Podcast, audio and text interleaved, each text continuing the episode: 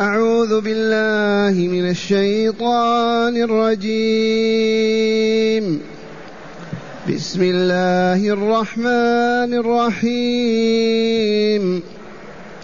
والذاريات ذروا فالحاملات وقرا فالجاريات يسرا فالمقسمات أمرا إنما توعدون لصادق وإن الدين لواقع والسماء ذات الحبك إنكم لفي قول مختلف يؤفك عنه من أفك قتل الخراصون الذين هم في غمرة ساهون. يسألون أيان يوم الدين. يوم هم على النار يفتنون. ذوقوا فتنتكم.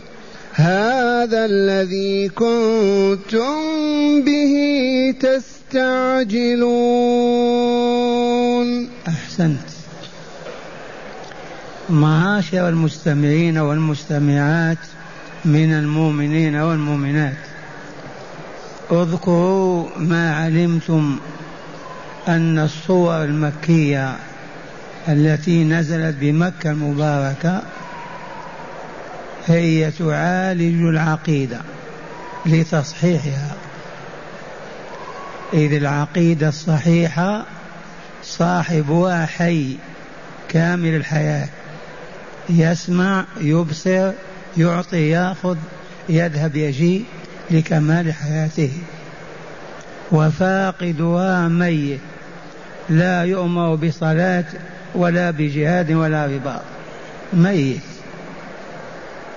فلما وجدت العقيدة السليمة الصحيحة أخذ الله تعالى يشرع ويفرض لعباده المؤمنين هذه العبادات الواسعة الكاملة. وعلمنا أن أعظم أركان العقيدة وأهمها التوحيد والنبوة والبعث الآخر. التوحيد وهو أنه لا إله إلا الله.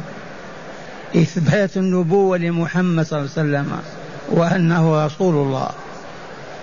البحث الآخر الحياة الثانية بعد هذه وما يجري فيها ويتم من الحساب والجزاء. هذه الأركان الثلاثة مع أن أركان الإيمان ستة أن تؤمن بالله وملائكته وكتبه ورسله واليوم والقدر خيره وشره. واسمعوا فاتحة هذه الصورة بالأقسام الآتية. أولا يحلف تعالى فيقول والذاريات ذروا. ولله تعالى أن يحلف بما شاء من مخلوقاته. لا يعترض على الله. ولكن الذي يعترض عليه هو الإنسان عبد الله. فلا يحل له أن يحلف بغير الله. أما الله تعالى يحلف بما شاء من مخلوقاته. وهو هنا يحلف بالذاريات. فما هي الذاريات؟ الرياح تذو التراب والغبار. هذه الرياح من يوجدها؟ آباؤنا أم أجدادنا؟ من يوجه شرقا وغربا لا بد لها من خالق لا بد لها من مدبر. ألا هو الله الذي علف بها. فهو يلفت النظر إلى هذه الآيات ليزداد إيمان المؤمنين ويقوى معتقدهم ويصل إلى مستوى اليقين. والذاريات ذروة فالحاملات وقرا. ما يدري تحمل الوقل الثقل السحب تحمل ملايين الأطنان من المياه. من جعلها تحمل هذا الماء؟ من وقرها ووقرها من حمل على هذا. اللات أو العزى يا مشركي مكة لا إنما هو الله فقط. فقولوا ذن لا إله إلا الله. فالحاملات وقرا فالجاريات يسرا. فهذه السفن على سطح الماء تحمل السلع والبضائع وتنقل الركاب من مكان إلى مكان. ميسرة مسهلة. من فعل هذا؟ من أوجد الماء؟ من أوجد البحر؟ من أوجد الأخشاب للسفينة؟ من هيأ لها؟ الفاعل هو الله. فهو يلفت النظر إلى مخلوقاته ليعظم في قلوب عباده ألوهيته وربوبيته. والجاري فالجارية يسرا. فالمقسمات أمرا. ما هي المقسمات؟ الملائكة المكلفون بهذا أعطي هذا وامنح هذا أعطي هذا وامنح هذا. تقسيم الأرزاق من يقوم به؟ ملائكة. فالمقسمات أمرا هذه هي أيمان الله التي حلف بها. كم يمين؟ والذارية ذروا فالحاملة وقرا فالجارة يسرا فالمقسمات أمرا الجواب جواب القسم الذي من أجل حلف إنما توعدون لآت إنما توعدون لواقع إنما توعدون لصادق وإن الدين لواقع. من أجل قوله تعالى إنما توعدون لصادق وإن الدين لواقع حلف بأربع أيمان. حتى العقلاء إذا سمعوا يمين الله وحلفوا على الشيء تطمئن نفوسهم ويصدقون. ويقولون آمنا بالله. وهذه سنة الله في الخلق. الآن الكفار يحلفون. إذا الإنسان إذا ألقي إليه خبر عظيم ما يصدق. يحتاج إلى من يحلف له أو يأتي بشواهد وأدل على ذلك. والله من باب إرحام عبيده وإنجائهم يحلف لهم وهو الرحمن الرحيم. حلف على ماذا بهذه الأيمان؟ إنما توعدون به وهو الحياة بعد الموت. والله لا وعد صادق. والله لا بد من الحياة بعد هذه. عن هذا أقسم. إنما توعدون به من أنكم تموتون وتحيون وتبعثون لساحة فصل القضاء للحساب والجزاء والله لصدق. ثانيا وإن الدين أي الجزاء لواقع. فأصحاب الإيمان والعمل الصالح جزاؤهم الجنة دار النعيم. أصحاب الشرك والفسق والفجور مصيرهم وعيدهم جهنم وبئس المصير. إنما توعدون به في كتابنا على لساننا على لسان رسولنا واقع صادق. والدين لا بد الذي هو الجزاء واقع. ومعنى يجب أن نؤمن بأننا نبعث أحياء ونحاسب على عملنا في هذه الدنيا ونجزى به. فمن كان مؤمنا صالحا أدخله الله عالم السعادة وأسكنه الجنة دار الأبرار. ومن كان عمله سيئا فاسدا أدخله النار والعياذ بالله تعالى دار الفجار. هذه العقيدة عقيدة الإيمان. بالبعث الآخر والحياة الثانية. ثم قال تعالى والسماء ذات الحبك. هذا يمين آخر. والسماء الله يحلف بالسماء. السابعة ذات الكمال والجمال. وانظر إلى السماء الدنيا وانظر إلى الكواكب وتلك الطرق فيها. وترى الحبك الحقيقي. والسماء ذات الحبك يحلف على ماذا؟ إنكم لفي قول مختلف.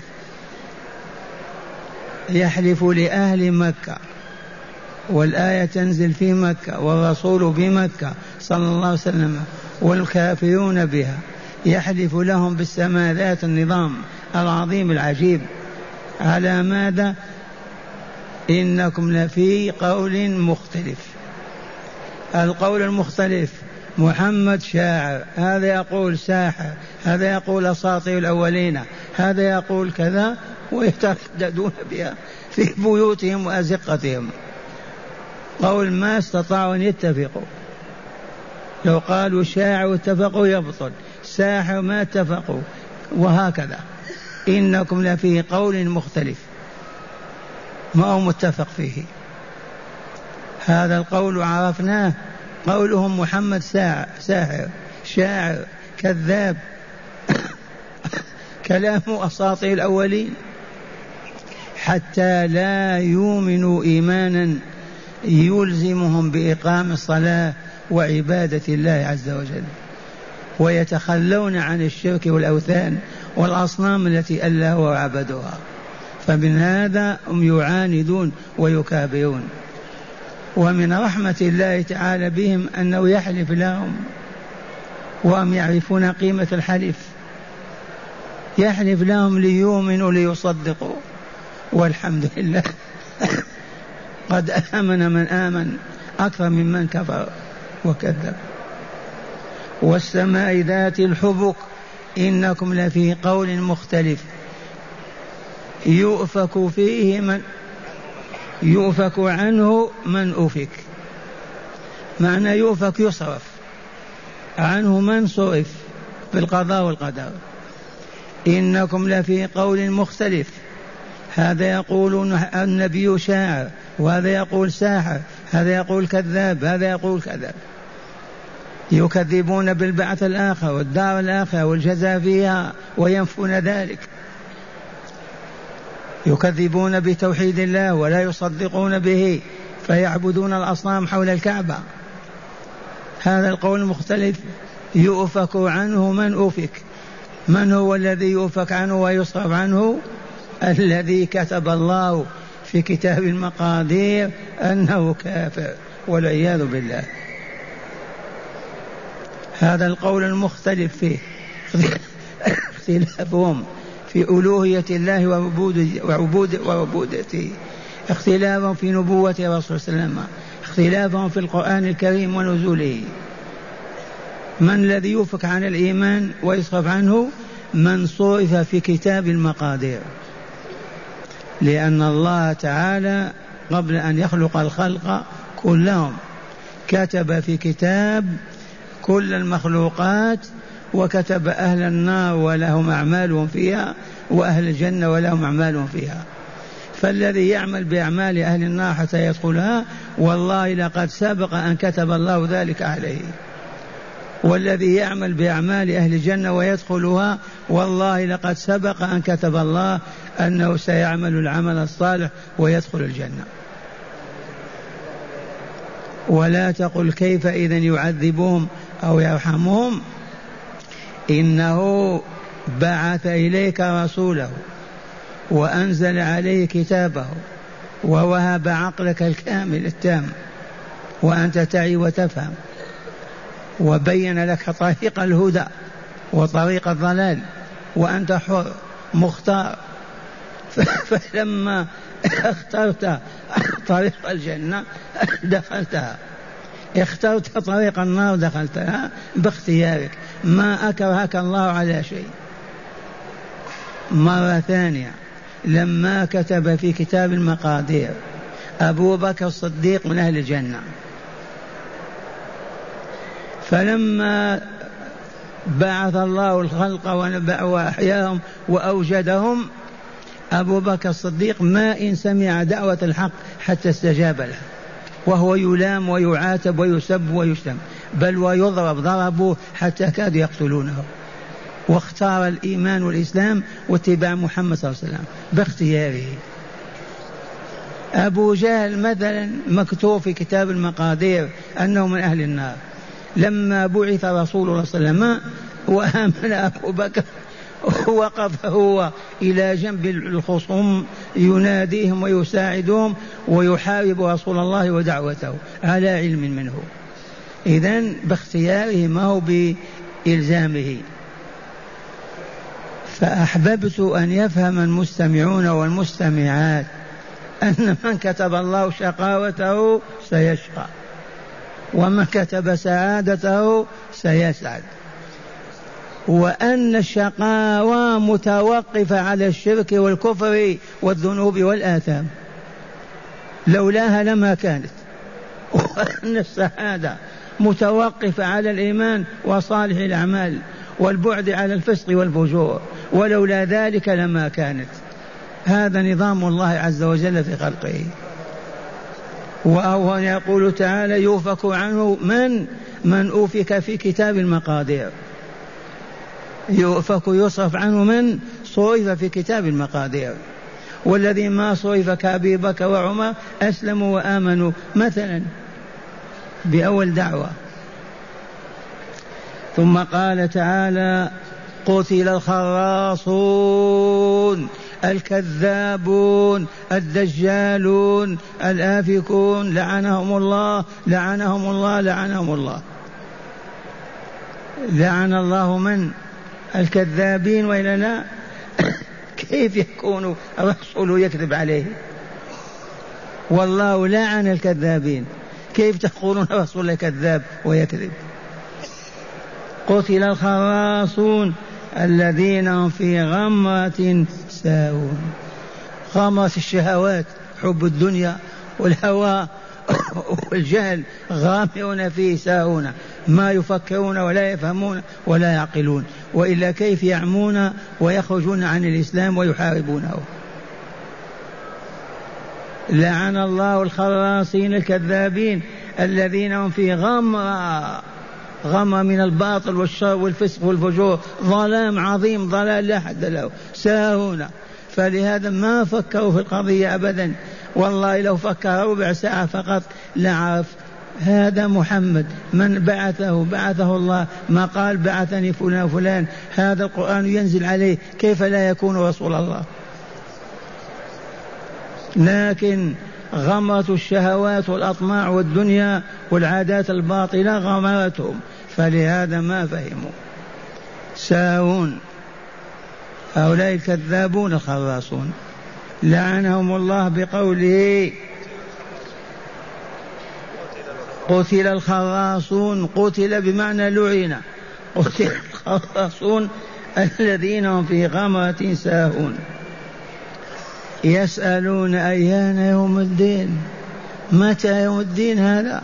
سمعت محمد ما يقول قول ستنتهي هذه الحياة ويجي حياة أخرى ويجزي الله فيه الناس على أعمالهم. متى هذا يوم الدين؟ يسألون سؤال ماذا تعجب سؤال استنكار سؤال تكذيب سؤال كبر. أبوا أن يؤمنوا بأن البعث حق والدار الآخرة لا بد منها. يسألون أيان يوم الدين. إيه كيف يكون هذا الدين وهذا الجزاء والحساب؟ سمعتم؟ والآن ملايين البشر بلاي البشر هذه عقيدتهم وهذه نظريتهم. لا يؤمنون بالدار الآخرة ولا بالجزاء فيها على العمل في الدنيا. وهذا شأن كل كافر ملحد ومشرك. قتل الخراصون الذين في غمرة غمرة غمرتهم شهواتهم وأطماعهم ودنياهم وأكاذيبهم وأباطيلهم مغمورون فيها ما رأوا البصير بأبصارهم. يسألون أيان يوم الدين. يوم الدين يوم الجزاء وهو يوم القيامة. هو البعث الآخر. الجزاء فيه على العمل في هذه الدار. ما ننسى هذه الحقيقة دائما نقررها لو سئلت من نصراني أو يهودي أو مجوسي ما السر في خلق هذه الحياة؟ أجيبه الجواب أن يذكر الله فيها ويشكر وهي العبادة. ما سر الحياة الثانية لما يوجدها بعد أن يفني هذه؟ الجواب من أجل أن يجزي أهل العمل فيها.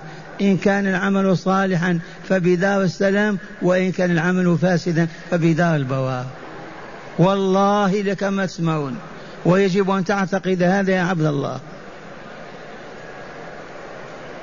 لما خلقنا الله؟ لنعبث. خلقنا لذكره وشكره. وما خلقت الجن والإنس إلا ليعبدون. هذا كلامه. الدهر الآخرة لماذا؟ لنزرع الثم ونحرث؟ لنجاهد ونقاتل؟ لا فقط للجزاء.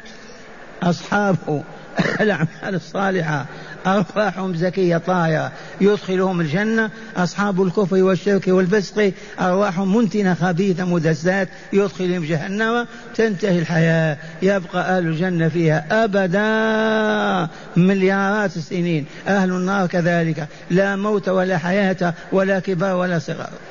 يسألون أيان يوم الدين سؤال استهزاء وتكذيب وباطل والعياذ بالله. إذا يوم هم على النار يفتنون. اليوم الذي يكونون في جهنم يقال ما هذا وجه سؤالكم. هذا هو الجواب. يوم هم على النار يفتنون يقال ذوقوا فتنتكم. هذا الذي كنتم به تستعجلون. هؤلاء المكذبون بالبعث الآخر بالدار الآخرة. هؤلاء أيان يوم الدين؟ متى وكيف يكون؟ يوم يلقون في جهنم وتأكلهم يقال هذا الذي كنتم به تسألون أو به تكذبون. هكذا يقول تعالى ويوم يومهم عن ذوقوا فتنتكم هذا الذي كنتم به تستعجلونه وتطالبون به ليتم في الدنيا قبل الآخرة. ومع هداية الآيات. بسم الله والحمد لله. والصلاة والسلام على خير خلق الله سيدنا ونبينا محمد وعلى آله وصحبه. من هداية هذه الآيات أولا تقرير عقيدة البعث والجزاء حيث أقسم تعالى على ذلك. من أول هداية هذه الآيات التي تدارسناها بفضل الله. من أول هداياتها تقرير عقيدة البعث والجزاء. إذ حلف الله على ذلك بأربعة أيمان. لا بد من البعث الآخر. لا بد من الجزاء على العمل في هذه الدنيا. أربع أيمان. نعم. ثانيا تقرير عقيدة القضاء والقدر في قوله يؤفك عنه من أفك. من هداية هذه الآيات تقرير عقيدة البعث عقيدة القضاء والقدر. عرفتم القضاء؟ الحكم. والقدر ما قدره الله يكون كما قدره. قضاء حكم. قدر بكل ما يمكن. يقدر طول الإنسان عمره غناه شقاء سعادته كل ذلك مقدر مكتوب. دلت عليه هذه الآية لما قال تعالى يؤفك عنه ويصرف عن الإيمان بيوم القيامة من؟ من أوفك في كتاب المقادير. وقد بينت لكم أن الإنسان قبل أن يخلقه الله وقبل أن يخلق الدنيا عرفه الله وكتب اسمه وعمله وسعادته وشقاه. لما يخرج إلى الدنيا ويأتي في وقتها ما كتب له يتم كما هو. يبقى لما يعذبه وأو يدخله الجنة الجواب لأنه طلب منه أن يعمل كذا ويعتقد كذا وكذا فإن استجاب باختياره رحمه وأدخله الجنة. فإن رفض ذلك وآثر الشرك والكفر وما يغضب الله أدخله النار. نعم. ثالثا لعن الله الخراصين الذين يقولون بالخرص والكذب ويسألون استهزاء وسخرية لا طلبا للعلم والمعرفة للعمل. وآخر هداية الآيات ماذا لعن الله عز وجل الخراصين؟ ومن لعنه الله والله لا يسعد. من لعنه الله والله لا يسعد. لا بد من شقاء الأبدي من هؤلاء الذين لعنهم الله الكذابون؟